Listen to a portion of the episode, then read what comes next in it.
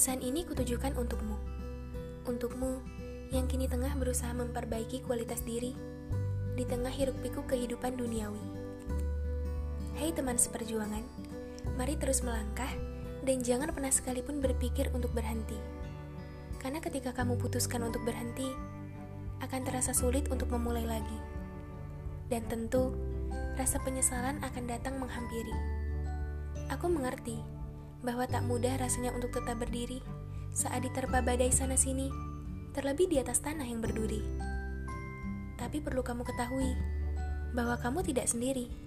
Ada banyak yang membersamai. Dengan dilatar belakangi oleh kesamaan visi, yakni untuk menggapai ridho ilahi. Maka bersabarlah duhai diri, karena sungguh janji Allah itu pasti.